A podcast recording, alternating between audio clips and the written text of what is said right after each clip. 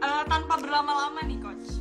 Mhm. Aku pengen langsung bahas aja deh udah kepo-kepo juga. Aku juga udah share kan kemarin ke teman-temanku soal hari ini kita mau ngebahas soal apa terus kayak teman-teman langsung kayak sumpah Tel mau ngebahas soal bucin. Sumpah ini perlu banget dibahas gitu. Wih seru banget Ah. bakal join dan semuanya gitu.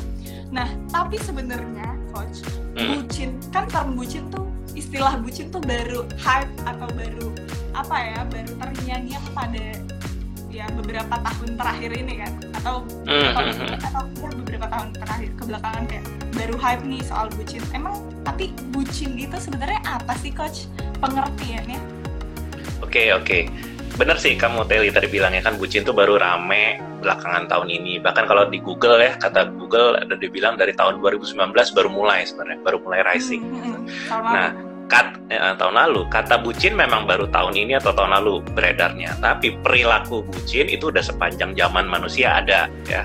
Jadi jangan nanya definisinya karena kalau ditanya sama 10 orang Teli, 10 orang bakal punya definisi masing-masing.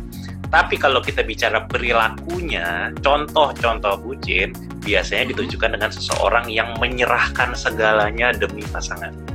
Ya, menyerahkan, menuruti. Ya, beneran menuruti, ngikutin, muasin, pokoknya semua itu istilahnya kayak gue gue serahkan diri gue terserah gitu loh. Yang penting lo happy, gue akan tolong lo, gue akan rawat lo.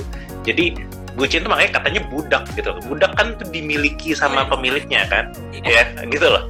Jadi ya seperti itu dia menyerahkan dirinya untuk kepentingan pasangannya.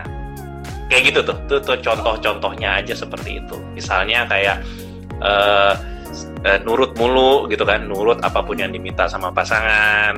Kalau misalnya pasangan nggak suka, misalnya pasangan marah langsung nanya aku salah ya, aku minta maaf. Padahal, padahal belum apa-apa langsung nanya aku salahnya di mana. Atau contoh lagi nih, misalnya pasangan yang selingkuh ya, pasangan kita yang selingkuh sebenarnya. Terus kita yang nanya sama dia, aku kurangnya di mana sih? Loh, yang selingkuh dia, kenapa malah jadi salahnya kita gitu ya? iya Itu tuh maksudnya tuh. Iya, Yang selingkuh kan dia, kok gue gitu, ya kan? Terus contoh bucin lagi. Pasangan kita mungkin menyalahgunakan kepercayaan kita ya. Dia melanggar kepercayaan kita dan segala macam. Terus kita jadi kehilangan kepercayaan kan?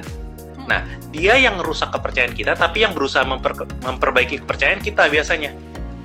Sering nggak? Sering nggak ketemu kayak gitu? Pasangan, ya kan? Yang rusak pasangan, tapi kok yang perbaikin kita, Iya. gitu ya. Nah, itu juga contoh bucin tuh. Jadi kayak kayak diperbudak gitu loh untuk kepentingan orang sehingga dirinya nilainya jadi rendah dan dan di kasus-kasus yang parah ya bisa sampai ditindas, di abuse, gitu, diabaikan. Itu kasus-kasus yang ekstrimnya.